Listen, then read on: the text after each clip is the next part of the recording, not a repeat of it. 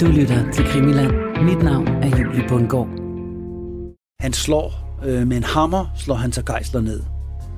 Og myrder ham og stjæler hans ur og nogle penge osv. Og, og så smider de livet ud øh, ved en, en landsby, der hedder Algestruf, som ligger mellem Køge og, øh, og Haslev.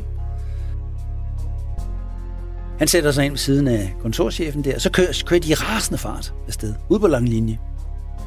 Og øh, kontorchefen, han kan jo nok opdage, at det efterhånden, så er det jo ikke noget med nogle politifolk. Og det er nok heller ikke noget med noget spiritusprøve. Så på et tidspunkt, så sænker øh, Lyne farten med bilen der, så hopper, springer han ud af bilen, øh, kontorchefen, og forsøger at stikke af. Men øh, Lyne han er hurtigere, han var efter ham. Og han har en revolver, som han så tager frem og slår kontorchefen flere gange oven i hovedet med skæftet. Velkommen indenfor til endnu et afsnit af Krimiland. Mit navn er Julie Bundgaard, og øh, jeg har gennem det sidste halve år været din vært her på Krimiland. I øh, serien Æderkoppen og min morfar er vi dykket ned i en af de mest kriminelle perioder i Danmarks historie, når vi har set nærmere på den kriminelle underverden under og efter 2. verdenskrig.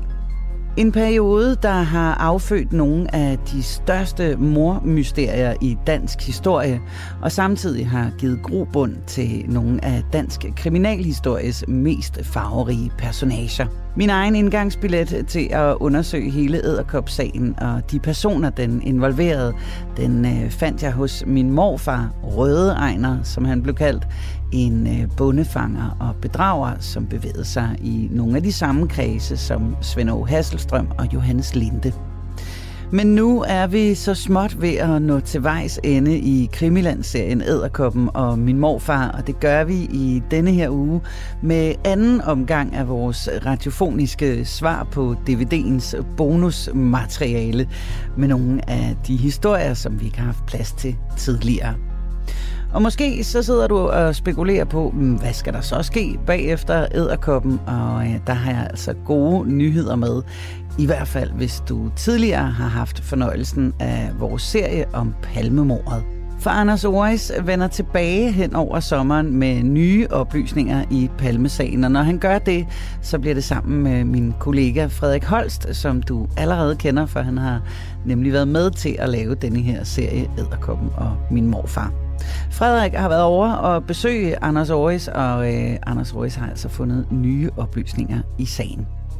Men inden da, så skal vi først lige have anden omgang af vores opsamlingsafsnit. For gennem hele vores programrække, så har vi jo altså fået god hjælp af forfatter og forsker Christian Holtet, som har været en formidabel fortæller og formidler. Og nogle gange, så har Christian altså fortalt så mange gode historier, at øh, vi simpelthen ikke har haft plads til dem i de enkelte afsnit.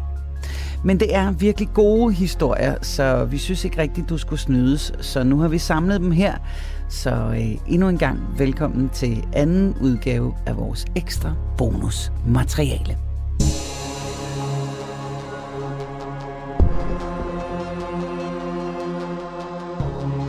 Den første af de her historier, som vi bringer i denne her uge, det er en historie, der stammer fra vores afsnit 20 om øh, Lindes drikkelag.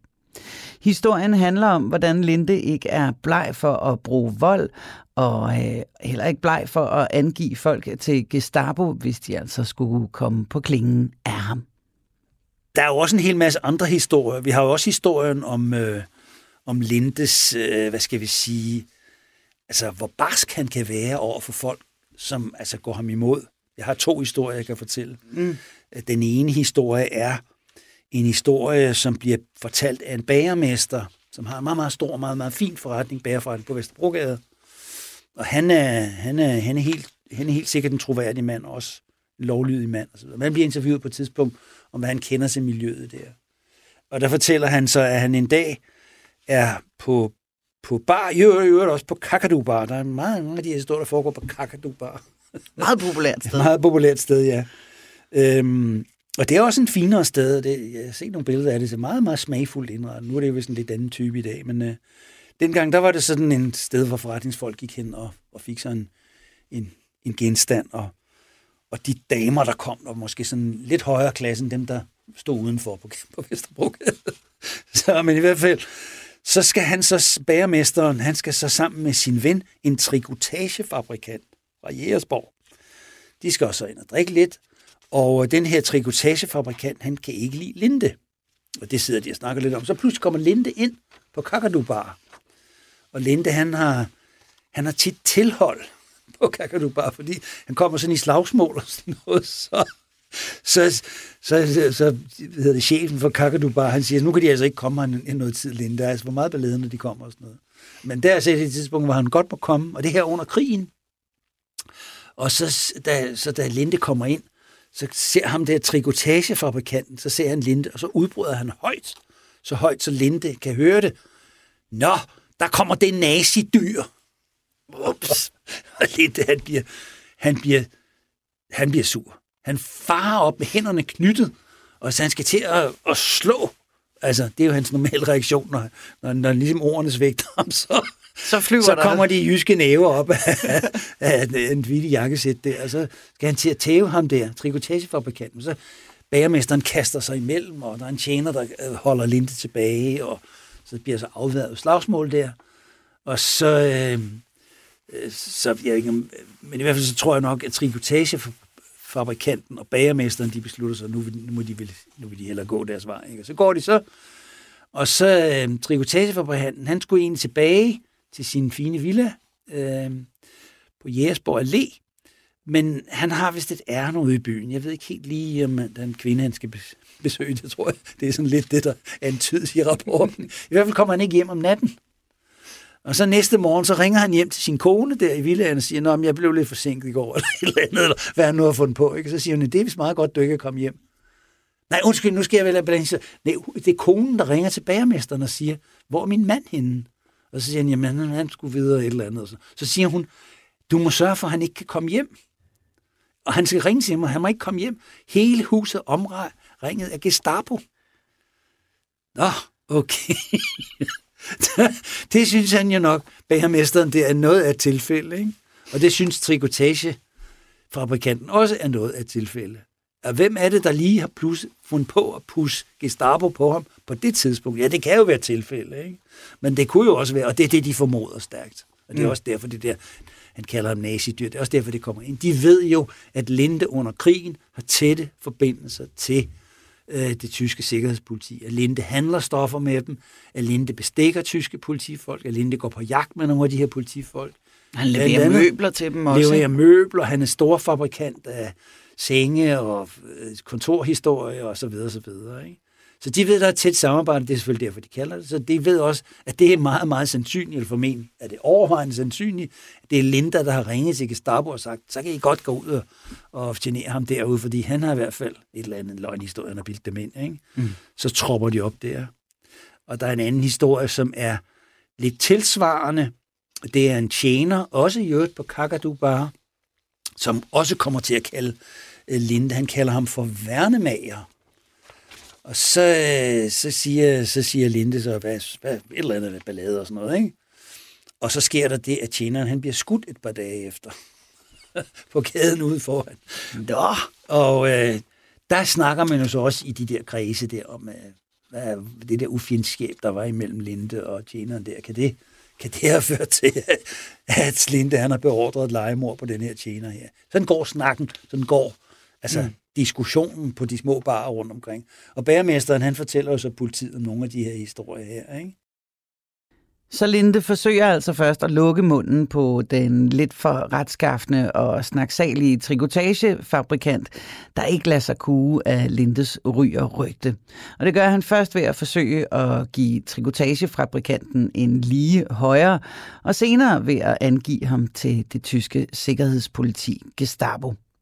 Historier, der bliver viderebragt til politiet af en bagermester, der har flere historier om Lindes omgangskreds. Og han fortæller så også, at en af Lindes altså, nære samarbejdspartnere, øh, det er en, som hedder Arne, eller Aron, så han hedder virkelig Aron, men han fordansker sit navn til Arne Jack Becker, Revolver Jack, vi har omtalt ham tidligere.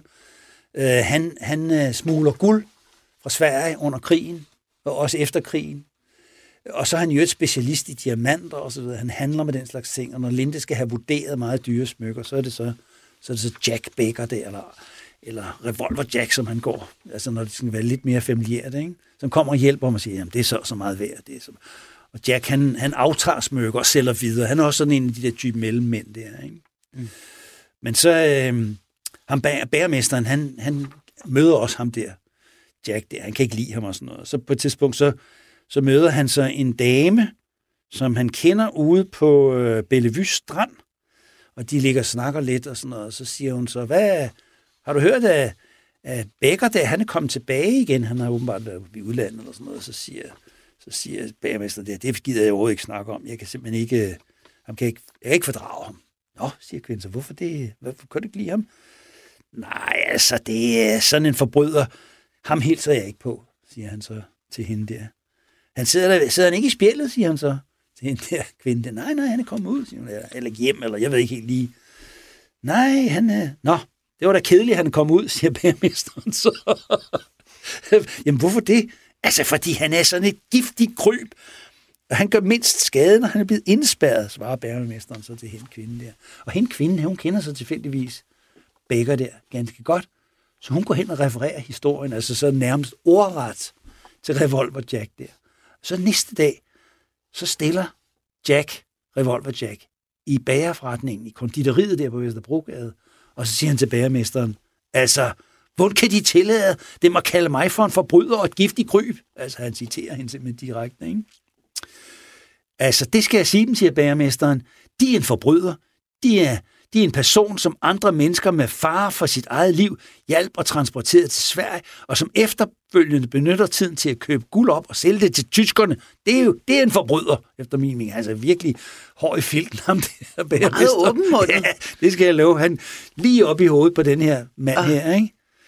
Øhm, og så siger, så siger Becker, så siger Becker, så han er også en hård nyser, han siger så, altså de skal vide, at jeg er en meget farlig mand at være uvenner med. Det, det tror jeg, han har ret i. Jeg har krisepolitiet i min hulehånd, siger han.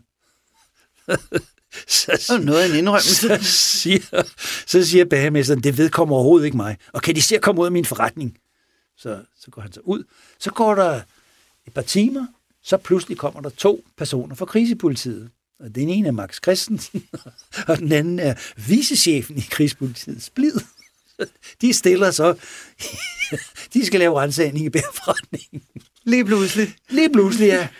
Så der kunne vi måske have noget om sagen, at, øh, og det synes bæremesteren jo også, at det er der noget af tilfælde, altså at Becker siger, at, at nu har du fornærmet mig, så skal jeg sørge for at pusse krisepolitiet på dig. Så, altså meget kort tid efter, så står de der rent faktisk. Ikke? Ja. Så siger bæremesteren så, ved hvad, jeg tror, det er en privat hævnagt, det her. Det siger han til Max Christensen. Jeg tror, det er en hævnagt. Ja, siger, siger Christensen. Ja, nø, ja, det bø, et eller andet, ikke? Så siger han så, øh, så siger han så, jamen, øh, jeg tror, jeg tror, at det er en, så siger Bagermesteren, jeg tror, det er en fra Borup Kartoteket, der har angivet mig. Og det ved han jo godt, det ikke er. Fordi Jack Baker, han står ikke i Borup Kartoteket. Så siger Max Christen, nej, det er det ikke, det er det ikke, siger han så. Nej, okay. Så tænker Bagermesteren, der fangede jeg dig, Max Christen. Jamen, så er det jo i hvert fald ikke en anonym person. Hvad er Borup Kartoteket? Kartoteket, det er kartotek over dem, der har været medlem af Nazipartiet, nazistpartiet under krigen.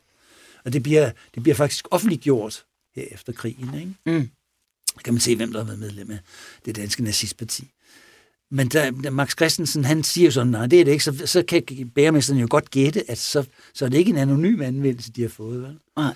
Nå, så er det altså ikke en anonym anvendelse, konkluderer med ved at bæremesteren så, og så, ja, okay, men altså Max Christensen vil ikke rykke ud med navnet, men, men bæremesteren fortæller denne her øh, rapport senere hen, og det er jo så på et tidspunkt, hvor Max Christensen rent faktisk bliver anklaget for korruption og for at være bestukket, og været bestukket af Linde, og Jack Baker, han er jo så den altså, tætte samarbejdspartner til Linde. Ikke? Mm. Så der er, sådan nogle, der er sådan en stribe historier, der ligesom fortæller om, hvordan Linde altså bevæger sig rundt omkring politiet, bevæger sig rundt omkring politifolk, benytter dem i forskellige sammenhænge, hvis det er, at det, det, det passer ham. Ikke? Og så fik vi uddybet Aaron Arne Jack Becker, eller bare Revolver Jacks forhold til Linde. Og han er ligesom mange af de andre personer her i Krimiland, en øh, mand, som har optrådt i flere afsnit, men øh, det er jo altså også noget af det, der kendetegner et æderkopsbind, nemlig at alt er forbundet. Og ligesom Linde, så er Revolver Jack altså heller ikke bleg for at angive folk, uden at der egentlig er noget i det. Så det flyver altså med angivelser til højre og venstre, når almindelige borgere kommer på tværs af sortbørsfolkene. Så både trikotagefabrikanten og bagermesteren begge to ender med at blive angivet til henholdsvis Gestapo og til krisepolitiet.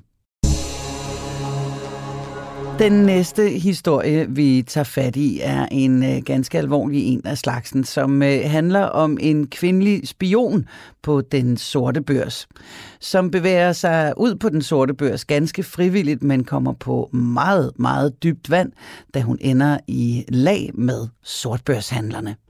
Så har vi en anden historie, som jeg synes også er lidt sjov, og som faktisk er en helt anden boldgade end det her, men som handler om en kvindelig spion på sort, den sorte børs. Mm. Som altså, og det har været lidt svært for mig at finde ud af, hvad, hvad egentlig motivationen for at være spion på den sorte børs er hos hende. Men hun hedder Birte F., og øh, hun er gode venner med en, en kvinde, som hedder Else, og som er servitrice hos Johannes Jacobsen, og de har, de har kendt hinanden, tror jeg, fra at de var helt unge og så videre. Og jeg tror også selv, hun kommer lidt i miljøet på Vesterbro øh, og drikker og sådan noget. Men hun er gift og sådan noget. Jeg tror, jeg tror ikke, der er noget sådan, hun er ikke, hun er ikke sådan et, øh, hvad skal man sige, side, side, sidebeskæftigelse som prostitueret eller noget. Jeg, jeg tror bare, hun sådan øh, kommer der og går lidt i byen og sådan noget. Og så på et tidspunkt, så bliver hun interesseret i, hun hører selvfølgelig en masse historier fra sin veninde Else der, som er dybt inde i miljøet, som kender alle sammen. Hun har også været kæresten med Rolof Nikolaj, og hun kender Johannes Jacobsen, som hun er ansat hos, og kender en masse af de der mennesker der, ikke? Kender Linde, og, og er meget observerende. Der er mange rapporter med Else der, som man, man, kan, man kan mærke, at hun er en, hun er sådan en skarp, skarp type. Men Birte, hun er altså veninde med Else der, og Birte, hun tænker, det, måske jeg kunne, det kunne da være sjovt lige at sådan, uh, snuse lidt, lidt mere til det miljø der. Og så har hun en god ven, som er journalist på Ekstrabladet, som hedder Nick Schmidt. Og så snakker hun med ham på en eller anden mærkelig måde om, øh, han er begyndt at skrive om æderkopsagen. Vi er sådan her i, øh, i 1948, foråret øh, 48. Undskyld, foråret 49, ja. ja. foråret 49. Øh, der, der begynder de selvfølgelig at skrive om det der, og ham der Nick, der, han er en rigtig ekstrabladsjournalist. Så han, han skriver altså meget hurtigt. Det må man sige. Altså, der skal ikke meget kød på den, på den ged der, han har sagt. Der skal ikke meget, for at, der, så er der en stor en forsidehistorie, ikke? Så er han smækket op der. Og så siger han, men du kender jo mange af de der. Birte, du kender jo nogle af dem der. Ja, det gør jeg da, det.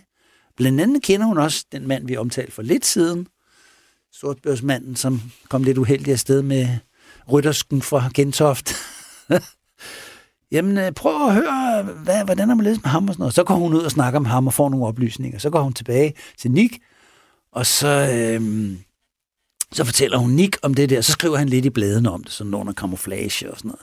Det, det forlyder i velindfrihed og græse, at sådan og sådan, og de der dat og sådan noget. Ikke? Og politiet er i gang med at undersøge og sådan noget. Så får han sådan en forudsidig historie ud af det. Ikke? Blandt andet så, find, så får hun også opsnappet, at der er sket et mor i sortbørskredse og hun får sådan nogle halvkvædede viser fra nogle sortbørsfolk, hun sidder og drikker med på et værtshus og sådan noget, om at der er begået et mor, og det var så skulle være en, der stod bagved, og sådan. det er meget uklart, hvad det er for et mor og sådan noget, ikke? Og det står så næste dag i Ekstrabladet også. Mor i sortbørskredsen. Hvad hedder det? Sortbørs, mor på den sorte børs, tror jeg, overskriften. det viser sig så senere, at det er et mor, der er blevet gået otte år før. Nej, undskyld, seks år før. så det har ikke så meget med sortbørskredse at gøre. Det er godt nok et uopklaret mor, ikke? men formentlig noget fra krigens tid. Ikke? Så ah, der, næste dag kan der komme en ny historie. Og så bliver hun så, øh, så, så bliver hun så, hvad hedder det, sendt lidt rundt omkring i byen og rapporterer til ham. Hun har også en historie med, at der er nogen, der har afleveret en buket blomster til øh, Erna Hasselstrøm, hvor det i der lå en pistol. Okay. Ja, det er en meget mærkelig historie. Den skriver han også. Hvem er det, der vil, se, der vil aflevere en buket blomster med en pistol i til Erna Hasselstrøm, hvis mand Svend jo netop er blevet fængslet der, bliver fængslet i februar. 49. Der, hvad er det for noget? Hvad, er det en trussel, eller er det, er det noget med, at han ikke må fortælle noget, så derfor ligger der en pistol i blomster der, eller hvad er det? får han en kæmpe historie ud af. Ikke? Det lyder også meget mafiagtigt. Ja, det, det lyder sådan lidt mafiagtigt, ja. Næsten som et hestehoved ja, i sengen. Ja, det er sådan lidt uh, signal, altså. ikke et vink med en vognstang, men med en revolver. Men om det er rigtigt, det er så måske lidt mere tvivlsomt. Ja. I hvert fald så er der nogle af de andre blade, der begynder at kritisere Ekstrabladet for, at det er dog lidt for fantastiske historier. Nogle af dem viser sig altså ikke at have meget sandhedsværdi i sig. Ikke? Og mm. De begynder sådan at blive lidt forarvet, nogle af de andre blade. Der er selvfølgelig også lidt brødnid og sådan noget. Ikke? Mm. Men grunden til, at vi så kommer til at høre om det her, det er fordi, at hun en dag kommer ind på politistationen og siger, at jeg vil gerne anmelde, at jeg er blevet voldtaget. Mm. Og jeg vil gerne tale med øh, den og den politimand. Og øhm, det er sådan, at jeg øhm, har en lægeerklæring her, og så kommer hun med en lægeerklæring, hvor der står, at øh, hun har øh, hun har nogle altså, øh, altså, øh, blå mærker i ansigtet, og hun har blå mærker på halsen. Hun har et stort blåt mærke på låret, og der er altså rifter omkring kønsåbningen. Mm. Øh, og det har hun så fået en lægeerklæring på, og det siger hun så, og jeg er så blevet voldtaget af en, der hedder Ejner Nielsen, cigarhandler, og det er jo så ham, vi kender under øgenavnet Fede Ejner. Ja. Og øh, nå, siger politiet, så det må vi da, så går de i gang med at sætte sig med notatblokken, og det bliver så til senere til en tyk rapport. Og det er sådan, at øh, hun siger, ja, jeg arbejder faktisk øh, som, øh, hvad skal man sige, en slags, øh, en slags øh, informant for Nikolaj Schmidt på Ekstrabladet. Og, øhm, og jeg har i den anledning, så havde jeg så henvendt mig til Ejner Nielsen i hans cigarforretning, med et billede af en øh, person, som er eftersøgt af politiet. Og, øhm, og min dækhistorie var så, at øh, jeg skulle så sige, at øh, jeg havde nogle oplysninger til den her person, som var eftersøgt af politiet, som han kunne bruge som, altså, i sit forsvar. Ikke? Og om Ejner Nielsen kunne sætte mig i forbindelse med den her mand, som så levede under jorden. Fordi Ejner Nielsen, han er jo, må være en mand, så med noget om sådan noget. Ikke? Mm. Og så kommer hun så ind i den her cigarforretning. Der sidder Ejner Nielsen sammen med sin, øh, sin næstkommanderende, som er for det meste den, der administrerer cigarforretningen, og en anden person, og de er i gang med at drikke bajer. Og de er skide fulde. det er om eftermiddagen. Og de har været i gang, altså et stykke tid. Og hun sætter sig ned og siger, ja, og sådan og sådan. Så siger han, sid ned, sid ned. Øh, øh, skal der have en bajer her? Og sådan noget, ikke? Og jeg ved så ikke lige helt, om hun tager en bajer, eller, eller hun siger, at det, det, det har jeg ikke lige behov for, eller noget. Men, men jeg har, så, så fremfører, hun så, fremfører hun så det her ærne om, at hun skal give de her oplysninger videre til, og viser det her billede til Arne Nielsen. Og jeg tror faktisk, at Arne Nielsen han ved udmærket godt, hvem det er. Mm. De, det er en de der folk på den sorte børs. Så det tror jeg også, at hun ved, at han ved. Så det er sådan lidt, okay, men om han tror på hendes historie eller ej, det er sådan lidt vanskeligt, men han er i hvert fald ret beruset. Og så siger han, ja, men det kan jeg da godt, måske godt fortælle dig noget om, men må ikke vi skulle gøre det et andet sted? Der er lidt meget larm her, eller sådan noget, ikke? Skal vi ikke gå ovenpå, siger han så. Øhm, jo, ja, siger hun så. Det, det kan vi da godt, siger hun så. Og så går Birte der sammen med fædreejerne ovenpå, hvor han så åbenbart har tilgang til en lejlighed. Jeg tror ikke, det er hans egen, men det er vist hans næstkommanderende, der bor der. Han sidder så nede i forretningen øh, og, og drikker der. Så går de derop, og så siger Ejner så, øh, jamen, øh, øh lad, lad os sidde ned. Lad os sidde ned. Og han lægger sig selv på en divan, som der ligger. Så ligger han der. Hun fremfører sig andet igen, og han sidder sådan holder lidt hen, og, øh, og i han låst døren, da, da de går ind. Det undrer hun sig lidt over. Det gør han så. Og så fortæller hun så om det der, så siger han, så siger han sid ned, sid ned på divan. Ah, det synes hun ikke, der er nogen grund til. Så hun er sådan lidt kølig, og vi skal jo bare snakke om det her. Ja, så får du ingen oplysninger, siger han så. Åh, oh, altså, nu er det så pludselig blevet en handelssituation, hun er kommet i, kan hun godt se, ikke? Mm. Øh, nå, men altså, nå. Så, så lader hun så lokke, og så sætter hun sig på kanten af sofaen, sådan med foldet ben, og øhm, så siger fæderen, hold nu op med det der, så skal vi ikke holde op? Hold op med det pis, siger han. Du er en liderlig pige, og jeg er en liderlig mand. Så lad os bare komme i gang. Og så trækker han hende ned på divanen, og hun skubber ham væk. Mm. Øh, og så vil hun gå hen til døren, den er så låst, så kan hun ikke komme ud. Så går han hen og tager fat i hende og sætter hende ned på divanen. Og så, øh, så siger han så altså, der er aldrig nogen piger, der er kommet herop, uden at de kommet i seng med mig, siger han. Så siger hun, det er beklageligt, så er det første gang. det, det er sådan lidt spøjs. Så griber han hende, nu er han blevet sur, ikke? og så vil han til at voldtage hende. Og så, så forsøger han at gennemføre en voldtægt. Aha. Og det er så lidt uklart, om han rent faktisk får den gennemført eller ej. Men hun kommer så til skade. Han holder Finn fast om halsen, og han kommer til at en albu i hovedet på hende, og han kommer til at krasse hende der på indersiden af låret, og hun skriger, og han siger, hold kæft for satan, hold da kæft. Kvæler hende og øh, holder fast og så videre, ikke? Mm. Og, og så, så siger hun så, det her, det, det kommer til at koste dig 16 år. Så siger jeg, federe, så griner han. så siger han, hvad, der kommer ikke til at koste mig noget som helst. Det er, jeg forbindelser i politiet. Nå, så, men han kan vist ikke rigtigt. Jeg tror, han er lidt for fuld til sådan, at det bliver det helt store. Ikke? Så, ja. så det, det æbber lidt ud, og så går de så ned i forretningen, og så står hun der, og så siger han så, tag dig et glas. Det vil hun så ikke rigtigt, men jeg tror stadigvæk, hun måske håber på at få oplysninger. Hun har også mistet sine øreringe derop, så dem sender hun så jeg sender Fedeegn, og så den næstkommanderende op sammen med hende, for at de skal lede efter de der øreringe. Så kommer hun ned igen og sådan noget, og står lidt sådan fortumlet og så videre, ikke? Og så mm. siger Fedeegn, øh, ja, kigger han over på hende der og siger til de andre der, er to andre der til stede, så siger han, en den sorte satan, hende vil jeg gerne sidde i en dobbeltcelle med i tre år. Ej. han, han, øh, han, han synes, det er mægtig sjovt, det der. Han, han, han tror simpelthen ikke, at der er noget som helst uh, mulighed for hende til, at uh, hun kan anmelde det her på nogen, på nogen som helst mulig måde.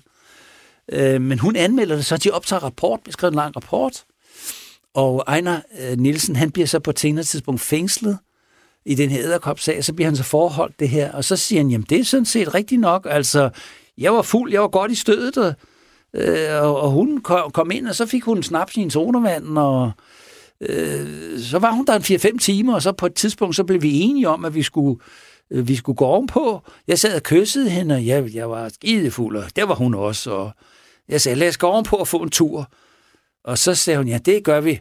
Og så var det, gik vi ovenpå, ingen snak, og vi gik lige til sagen med det samme. Men altså, så kunne jeg ikke rigtig få e- erektion, og ja, jeg kom til at give hende et sugemærke, og det, jeg ved ikke, det kunne ikke rigtig nytte noget, men altså, sådan er det, og øh, så da vi kom ned igen, så grinede de jo alle sammen, for jeg var helt smurt over med læbestift over hele hovedet. Og... Så han har noget andet. Han har en helt anden forklaring på det, ikke? Ja. Og medhjælperen, det han siger, om de aftalte, at det var et samleje. De fleste mm. af dem, der sidder der, de jo nok tage hans parti, ikke? Ja. Men jeg tror, der, der er mest, der taler for, at det er hendes version, der er den rigtige. Hun anvender det jo så faktisk også til politiet. Mm. Øhm, og det gør man jo kun ligesom, hvis det er, at man altså, reelt er blevet, altså føler sig forulæmpet. Ikke? Ja. Og så, øh, så sker der det, at politiet lægger oplysningen til aviserne.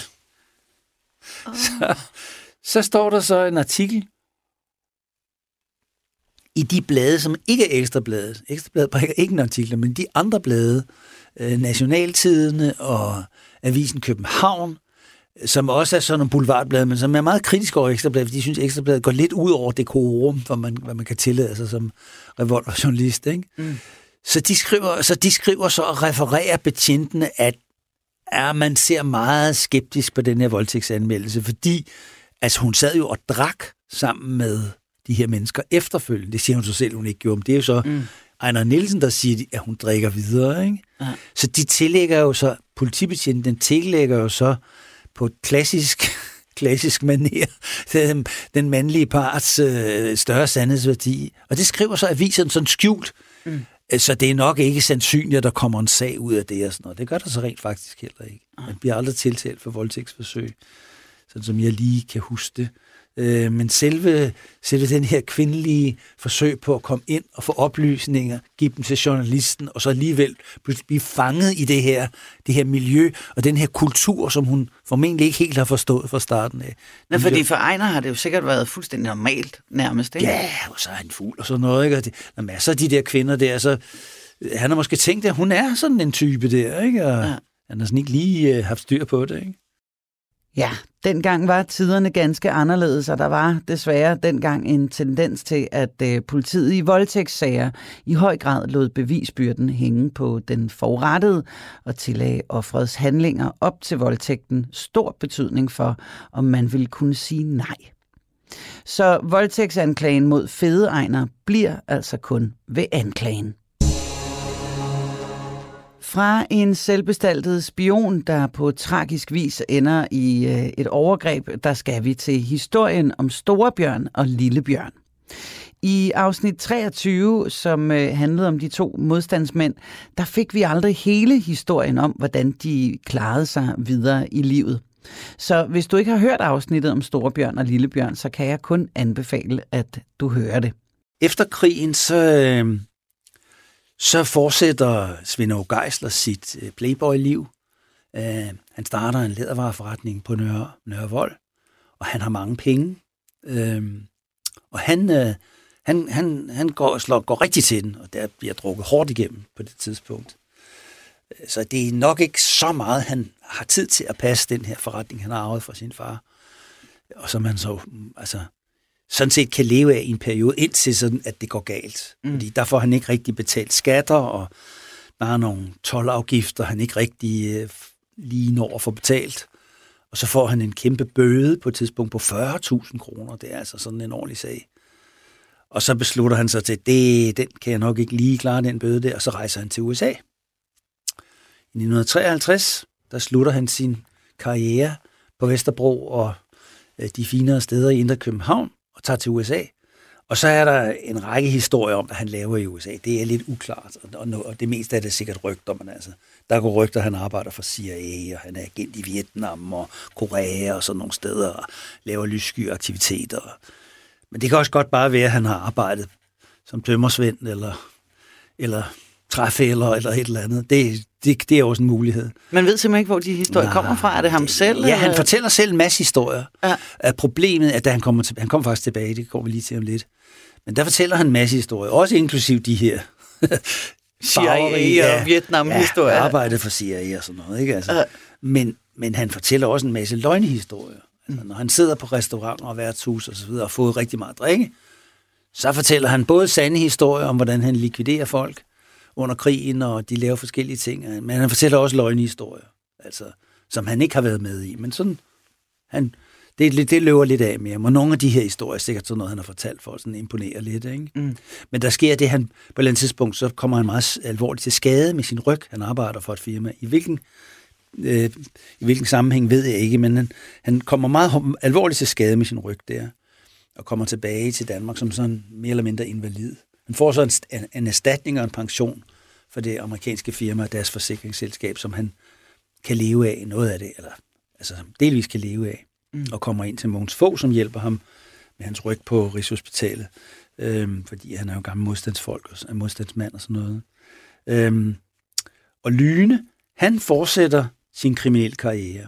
Han samarbejder med Nikolaj, og de laver forskellige ting. De smugler tæpper fra Linde. Øhm, de, de importerer biler fra Sverige, og så får man altså bilen kørt over med en, man får en eller anden svensker til at køre dem over, øh, med noget forfalsket papir, og så kommer de til Danmark, og så bliver de sådan, jeg ved ikke helt, om man filer stemmenummerne af, eller på en eller anden måde, så indgår de så i et andet system, hvor folk så kører, i, kører dem og sælger dem, og Linde han er med i de der forskellige forretninger der, hvor man så ligesom får omtransplanteret en svensk registreret bil til en dansk bil. Jeg ved ikke helt, hvordan svindelnummeret bliver lavet, men, men det er de så, det er de så mænd for. Og, øhm, det arbejder de sammen omkring. Øhm, men så bliver, Lindy, øh, så bliver Nikolaj jo skudt i foråret 1948. Og jeg tror, at, øh, at Lyne, han er sådan en type, som ikke selv er den store altså opfinder af, af kriminalitet. Altså, jeg tror ikke, han er sådan den, der kan tænke i de store forretningsmæssige baner, som både Linde og, og Nikolaj og andre af sortbørsens folk kan. Jeg tror mere, han er sådan en slags medhjælper, Medhjælper. en håndlakker.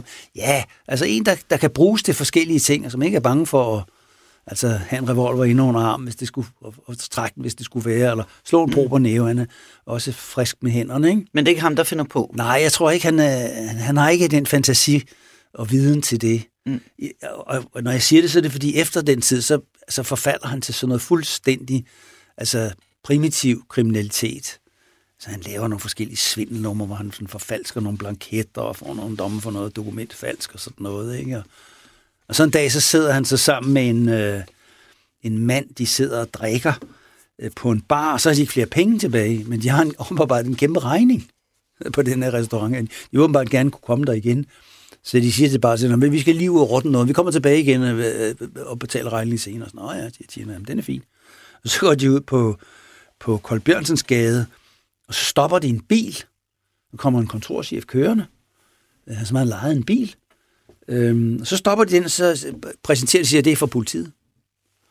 Øh, vi skal have lavet en spiritusprøve, og hvad er deres navn og så videre. Og så lader som om, de er officielle. Og så beder de manden om, hvad venlig sætte dem om på, på bagsæden. Ja, kontorchefen, han er sådan lidt forvirret, sætter sig om på bagsæden, så hopper lyne ind på forsædet, og hans øh, medsammensvorene, øh, som er en, en, en øh, skytsmekaniker, står der så. Han er 25 år, Svend Petersen. Jeg tror, at en skytsmekaniker er sådan en, der reparerer kanoner og sådan noget. Men øh, han sætter sig ind ved siden af kontorchefen der, og så kører, kører de i rasende fart afsted, ud på lang linje. Og øh, kontorchefen, han kan jo nok opdage, at det efterhånden, så er det jo ikke noget med nogle politifolk, og det er nok heller ikke noget med noget spiritusprøve. Så på et tidspunkt, så sænker øh, Lyne farten med bilen der, så hopper, springer han ud af bilen, øh, kontorchefen, og forsøger at stikke af. Men øh, Lyne, han hurtigere, han farer efter ham, og han har en revolver, som han så tager frem og slår kontorchefen flere gange oven i hovedet med skæftet, så han falder om. Og så røver de så hans tegnebog, 570 kroner, sådan, hvad er det, 10.000 kroner, sådan noget, så han har været en pænt velbeslået i hvert fald den dag. Mm. Og så kører de til, lader kontorchefen ligge, og så kører de tilbage, stel, smider bilen og går ind og betaler regningen og drikker videre. Og kontorchefen, han anmelder selvfølgelig det her forhold til politiet, og så sætter de ham til at kigge på altså, de gamle kendinge. Og ud af 3.000 øh, fotografier, der udpeger han så Lyne som den ene, og Svend Petersen måske som den anden men han er ikke helt sikker. Men Lyne er hovedmanden, siger han, og ham kan han kende. Og så jeg ved ikke, om politiet laver en line-up med Svend Petersen og nogle andre. Men i hvert fald de her to bliver så sigtet for det her. Og det har de selvfølgelig ikke haft noget med at gøre. Det benægter de over for politiet. Nej, nej, det, de er helt uskyldige og sådan noget. Men, men på et tidspunkt, så håber beviserne sig op. Øhm, så, så, så erkender de. Og så bliver, får de så en dom, og Lyne han bliver så idømt fire års fængsel. Altså en ret kraftig dom, må man mm. sige. Øhm, er det fordi, han har haft noget sparet sammen ja, lidt, eller hvad? Han har jo han har nogle domme for dokumentfalsk. Mm. Og sådan noget. Så han er, han er, hvad man siger, inde i systemet. Ja. Og så, så, så får man jo lidt ekstra oveni. Men så er der også meget groft røveri, altså voldelig groft røveri. Det får og kidnapning man altså, nærmest. Kidnapning, ja. Altså det, det, der er flere paragrafer, som man har taget i anvendelse her. Geisler, han, og så kommer han så i fængselløne, og så tror jeg, han holder sig mere eller mindre ude af kriminalitet resten af sit liv. Han bliver faktisk en ældre her. Han dør faktisk i, dør først i 2010, tror jeg det er. 90 år gammel. Det den stil. Nej, undskyld, 2006 dør han. Han er født i, født i 1916. Så de var altså relativt unge under besættelsen. Mm. Øhm, men han lever altså og bliver en rigtig ældre herre. Det samme kan man ikke sige om Svend Geisler.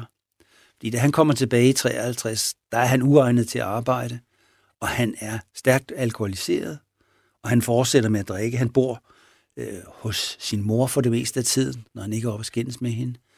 Hun har en meget øh, stor herskabslejlighed på Frederiksberg, og har stadigvæk penge. Øhm, så han lever lidt af morens penge, når den lille pension for USA på grund af sin arbejdsskade, så får han vist også nogle penge fra Frihedsfonden, når man har været frihedskæmper, tror jeg, man kan få sådan lidt en mindre pension. Så det lever han af, og det liv, han, lærer, han lever af, det er på værtshusene, mm. hvor han sidder og fortæller gamle historier, og sidder og forklare, hvordan det var at være modstandsmand, og der er mange, der gerne vil lytte på det.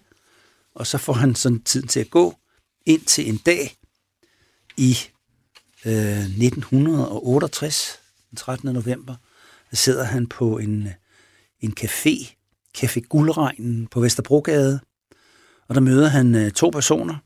Det er en far og hans søn, han, faren hedder John Nielsen, han er 47 år, og i øvrigt også tidligere modstandskæmper. Men jeg tror ikke, de kender hinanden, Geisler og ham, men de kan vel måske snakke lidt om gamle dage. Og sønnen der, den 18-årige Preben S., Øhm, de sidder så og øh, snakker der, hygger sig lidt og sådan noget. Og, der, øh, og de to, øh, Preben der og, og faren John der, de skal ud en gang med at ryge lidt hash og sådan noget, for det er begyndt at komme på mod på det tidspunkt. Men, men øh, Geisler, han er ikke på den måde der. Han, han drikker snaps og, og guldbar og sådan noget. Så på et tidspunkt, så synes de, det er lidt kedeligt der på, på Café Guldregn. Så, så Geisler siger, skal vi ikke køre ned til noget, der hedder Restaurant Landsbyen i Køge? Der er så mange kønne piger. Jo, det kan de da godt, siger Preben og John der, og de har en lille Morris Minor, som de kan køre ned i. Og de er åbenbart ikke så fulde, eller også er de fulde, men i hvert fald, så, så de ikke det der med, med, at man ikke må køre spiritus på virke. Øh, Geisler kan vist i hvert fald slet ikke køre, men øh, under omstændighed er han så beruset på det tidspunkt, så han formentlig ikke ville vide, hvilken vej han skulle, skulle køre. Hvilken vej Køge lå. Men i hvert fald, så kører de ned. Så kommer de ned på restaurant Landsbyen i Køge kl. halv otte. Den er fuldstændig død, den restaurant. Der er ikke nogen pæn pige eller køn pige, man kan kigge på der overhovedet. Og Jenna siger, der sker ikke noget før kl. 10. Så kom igen der. Så, kan, der, så kommer der liv og glæde det. Nå, siger Geisler og Nielsen og Preben S. Så kører vi en tur så længe. Så kører de lidt rundt der uden for Køge og lidt sydpå og lidt vestpå og sådan noget. Øhm, fordi at de, de finder nogle kroer, og så drikker de en pilsen. Og det er sådan lidt på må at få. Og Geisler, han bliver mere og mere fuld. Han sidder på bagsædet af bilen og drikker snaps. Han har to flasker snaps med, som man sidder og drikker af. Og så på et tidspunkt, så stanser de øh, øh, to der, øh, Preben Snor og John Nielsen, som ikke er så beruset, så stanser de, går de, skal de ud og tisse, og så siger John Nielsen, faren der til søn, nu skal vi have slået ham der ihjel. Vi skal, vi skal simpelthen have altså røvet ham, og så han skal slås ihjel. Nå. Preben, det, han bliver sådan helt chokeret og så videre. Øhm, og så, så, så, så sker der altså det, at John Nielsen, han, han slår øh, med en hammer, slår han så gejsler ned. Og myrder ham og stjæler hans ur og nogle penge og så videre. Og så smider de livet ud øh, ved en, en landsby, der hedder Algestruf, som ligger mellem Køge og, øh, og Haslev.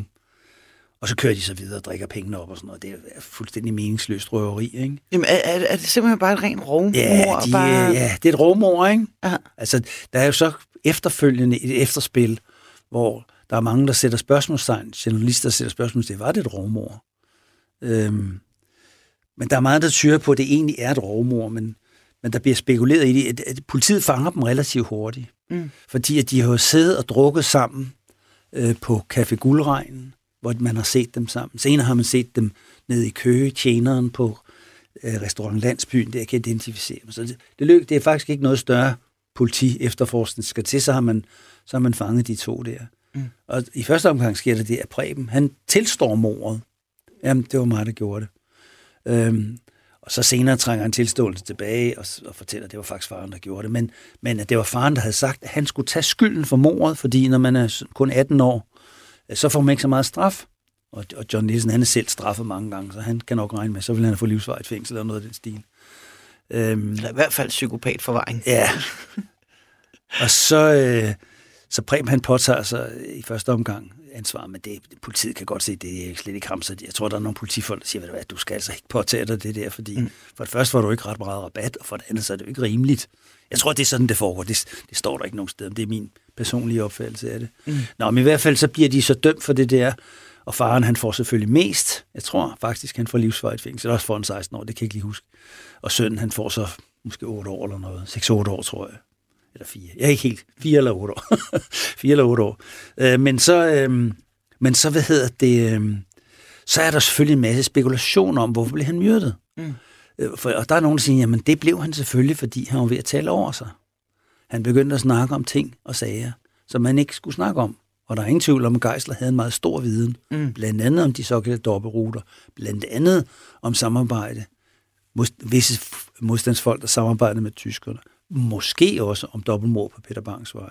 Fordi både Geisler og Lyne er blevet afhørt utalrige gange om mordet på, på Peter Bangs vej, altså hvor man har troet, det var måske et opgør for krigens tid og så videre. Mm. Men man kan ikke komme det nærmere andet end det er en mistanke. Men måske har de vidst noget om, hvem der begik mordet på Peter Bangs vej. Det er der noget, der kunne tyde på, fordi de var i de kredse, og nogle af de folk, som vi ved har haft noget med at gøre, var nogle af dem, som de samarbejdede med. Mm. Øhm, og og Lyne, som jo bestemt ikke er noget sandhedsvidende, det kan man ikke sige. Altså, Frode Jacobsen har sagt om ham, jeg tager ikke i betænkning at karakterisere ham som mytoman psykopat. Så han ligesom karakteriseret ham, men, men han siger så til Ekstrabladet på et tidspunkt efter mordet, altså, og jeg ved ikke, om han har gjort det med sådan lidt glimt i øjet, men, men han siger i hvert fald, at man har svært ved at tro, at han ikke kunne tige stille med ting, som han skulle holde for sig selv. Og man har svært ved at tro, at hævn skulle ramme 25 år efter. Hvorfor siger han det? Mm. Altså, mener han i virkeligheden det, det modsatte? Ja, Geisler kunne ikke tige stille, og det kunne han notorisk ikke. Mm. Altså, han snakkede for meget. Og der gik rygter altså, om, hvor mange historier han fortalte. Og det har Lyne garanteret også hørt, ikke? Ja. Så har der været et eller andet, altså, har der været nogen, som har kunne tænke, det kunne godt være, at øh, det var en god idé at skaffe sig af med Geisler, fordi han begyndte at snakke for meget. Det virker Men, i hvert fald lidt mærkeligt, at der dukker bare de her to op, far og søn, ja, ud af ja, ingenting, ja. ikke? Ja, altså, jeg tror, det er et helt almindeligt, altså uplanlagt mm. rovmor, altså begået af to ikke særlig intelligente forbrydere, Øhm, men altså, der, der, der er en historie, der går om, at, at Lyne skulle sige, at hvis ikke de havde gjort det, så var der nok nogen andre, der havde gjort det. Så der, ja. der er formentlig noget om snakken, at der er nogen, der har været ret bekymret for, at Geisler var så alkoholiseret. Han har jo også begået selv, forsøgt at begå selvmord flere gange, fordi altså, han var, var meget syg til sidst, ikke? så han ja. har været sådan lidt ligeglad med, og det har været sådan lidt fuldstændig altså, gået i opløsning for ham. Ikke? Ja. Så han ender altså sit liv ulykkelig, på ulykkelig vis. Asbjørn Lynes kriminelle karriere slutter altså med en sidste tur i fængsel, og han lever efterfølgende et langt liv uden kriminalitet. Sådan går det desværre ikke for Svend og Geisler, som ender sine dage myrdet på landevejen uden for Køge, og man finder aldrig rigtig ud af, hvorfor. Den sidste historie, som vi kommer til at bringe her i øh, Krimiland-serien Æderkoppen og min morfars ekstra materiale, det er historien, som øh, stammer fra afsnittet om det næsten perfekte kup mod Dansk Tipstjeneste, som du kan høre mere om i vores episode 27. Historien her knytter sig til Orla Hansen, som hjælper Kai Tore med at kopiere en nøgle til kuppet. Det er dog ikke nøgler, som historien primært handler om, men koks i stedet for. Virkelig, virkelig meget koks. Og også samtidig forklaringen på, hvordan Karitore kan kopiere nøglen. Og så kender han en mand, som hedder Orla Hansen. Og han er låsesmed. Han er egentlig uddannet gørtler af profession. Altså det er sådan en, der kan støbe i metal og lave smedjernsgitre og kunstsmedning og sådan noget, men, men på det tidspunkt, der ernærer han sig som låsesmed, øhm, så han kan lidt af hver. Han har så også en fortid på den sorte børs. han er en del af æderkopkredsen. Øhm, men øhm, jeg ved ikke, hvor meget han er inde i det på det her tidspunkt. Men på det her tidspunkt øh, cirkulerer der en sag imod ham og seks andre øh, for at have lavet et kæmpe kup mod øh, en, et, et stort koks gas- og koksværk på Frederiksberg, øh, hvor de øh, altså, oplager enorme mængder af koks. Altså mange steder i København, der fyrer man jo i kakkeloven med koks, og så kører folk de der sække der, og de skal så køres ud. Og der er sådan en centrallager på Frederiksberg, der er sikkert også et i København, men, men det her øh, centrallager på Frederiksberg, der finder Orla Hansen og hans kumpaner de seks andre. Der er også en insider der, som er en mand, som administrerer udleveringen af de her koks, det er de her lastvogne, der kommer. Ham får de at vide, af de her kumpaner her, det er sammensvorene, at, at måleren, den, den er lidt defekt. så altså, når de her mange, mange kilo koks løber ned gennem sliskerne, så løber de forbi et eller andet tælleapparat, det er altså lidt halvdefekt, ikke? Og ikke bare det der målersystem halvdefekt, der er heller ikke rigtig nogen, der fører regnskab med, hvor meget der ryger ud i de forskellige lastvogne. Så de her gutter finder ud af, at der er en fidus der, ikke? Oh. Så der bliver sendt uh, lastvogne ind, som de leger, og de bliver fyldt med 5 tons koks. så bliver de kørt ud. De siger, at vi kørte læs ud, med 50 hektoliter koks. Jeg tror, en hektoliter, det er jo sådan en stor sæk med 100 liter i. Den var ja. altså omkring 100 kilo eller måske mere, ikke? Ja. Så kører de altså 5, 50, 100 kilo sække ud på sådan en lastvogn der. Det er jo så måske 5 tons koks ud, ikke? Og det bliver så solgt sort, altså udenom rationeringsmærkesystemet. Og det tjener de mange penge på. desværre så kommer der altså en lækage, fordi den, det er jo den slags type af forbrydelser, hvor der er rigtig mange involveret, masser af led, ikke? dem der laver forbrydelsen, dem der er inde i firmaet, der er nogen, der skal afsætte, nogen, der skal transportere, nogen, der skal sælge, nogen, der skal røre penge, og chauffører osv. Det er en kæmpe skov af mennesker. Det er en umulig kæde at holde tavs, mm. om så må sige. Øh, I modsætning til øh, nogle af de andre forbrydelser, vi har omtalt, hvor det er en tæt knyttet bande, som ligesom man er en lille sluttekreds, så er det lidt nemmere, ikke? men her der er sådan en kæde af folk. Så lang fødekæde Lang fødekæde, så det er svært at holde hjem. Så det bliver selvfølgelig opdaget, og så finder politiet frem til Orla Hansen og de øh, fem andre der, de finder ud af, hvordan de er knyttet, øh, i øvrigt til nogle af leverandørerne, som arbejder sammen med æderkopperne. Og så bliver han så sigtet for det her, og øh, ham, der er på gasværket der, han er så det svage led, fordi han afslører hele historien for politiet. Han har ikke siddet i fængsel før, så de kommer og presser ham lidt. Så ja, han er jo et rystende, æstende nervevar, og han, han tilstår sig det der, ikke? Og Hansen, han kommer også ind, han bliver sigtet for det der, så bliver han spurgt, hvor meget er de så egentlig hugget derude? Ja, ja, det var jo ikke så meget, altså det var det jo faktisk ikke vel, altså det var jo, det var jo, det var jo måske var man, en, en 40 læs måske, siger han så. og vi ved jo, at forbryder altid tager i den aller laveste ind. Det er jo altid en brøkdel. Så de har jo altså ligget og kørt koks derud i månedsvis, måske i overvis. Altså, jeg ved ikke, hvor meget hvor mange procent af koksforsyningen i København, som er kommet uden for systemet, når man hører om sådan en historie. Altså, forbryderen tilstår, at han har kørt 50 tons koks ud. Ikke? Ja. Altså en krænske kortbæv, det er jo ikke noget videre. Det, vi ved, at det er meget større, så, må, så kan vi jo altså godt formode, at der har været tale om en helt enorm illegal kokshandel i København. Nå, men denne Orla Hansen, han er altså en mand, som øh, kan lidt af hvert, men han er altså låsesmed i det daglige. Han har sin egen forretning i sit eget værksted. Ham kender øh, Kai Tore, som i øvrigt også i altså, nogle af bladene skriver, og ja, men jeg har ikke kunne finde belæg for det i Æderkop-sagen, men, øh, men nogle af bladene skriver, at han er knyttet til en af de ledende figurer i Æderkop-sagen, men men det, jeg tror, det er lidt på rygteniveau. Mm. Men altså, der er nogle tråde til øh, til æderkopsagen. Det, det tror jeg på, men, men helt præcis, hvad de har bestået i, det tør jeg så ikke sige. Men så siger så Kai Thor, ved du hvad, kan man lave en falsk nøgle? Hvad, hvad tænker du? Hvad, hvad mener du, siger Orla? Ja, du ved, altså, jeg arbejder i tipstjenesten, ikke? og nu skal du høre.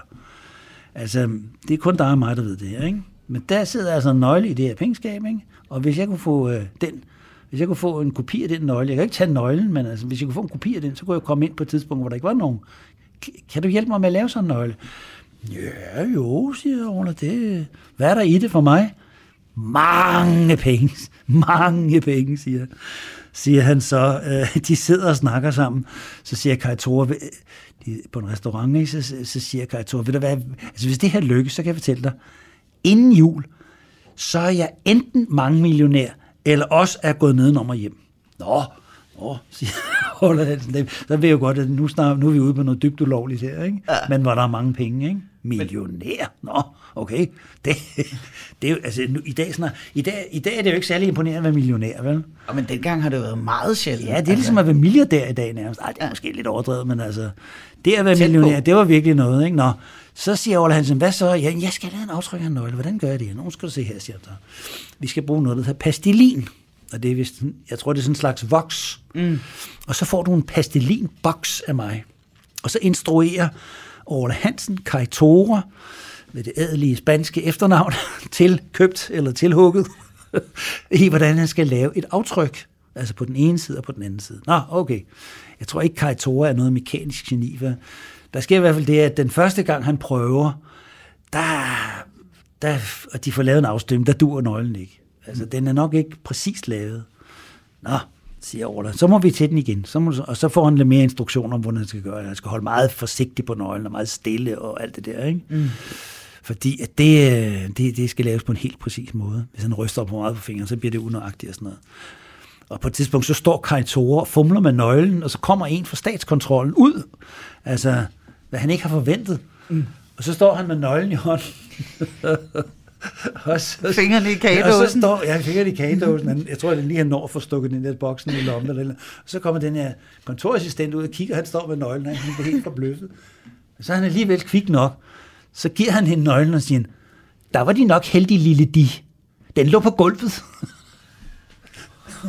så, så, nå, undskyld, tak, ja, nå, ja, det var ikke så godt. så han, han når sådan lige, lige at redde den. Der kunne de jo være kommet grueligt galt af sted, siger Karl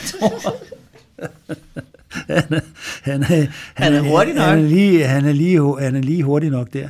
Så får han så lavet det der, og så, så er det altså meningen, de skal gå i gang.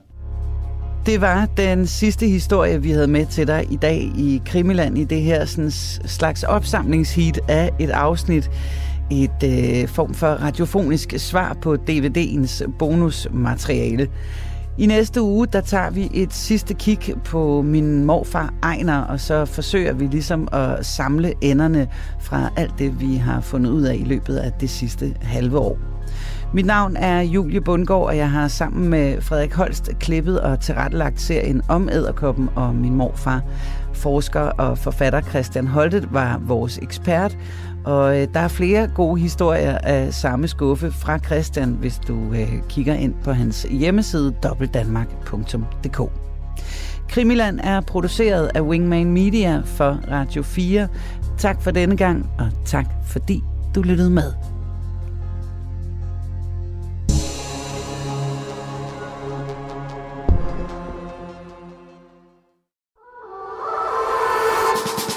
John Paul George Ringo. Det er nærmest et børnerim. I årvis har man diskuteret, hvem der egentlig var den femte Beatle. Jeg synes ikke, det er helt forkert at sige, at The Beatles er en af de 20. århundredes største myter. Over sommeren sætter Beatles-nørderne Christoffer Lind og Nils Jakob Myge jagten ind på at finde den, som har gjort sig fortjent til titlen. Nu skal vi have det etableret en gang for alle. Hvem var den femte Beatle? Fra store personligheder til anonyme vandbærere, dramatiske livshistorier og tragiske skæbner.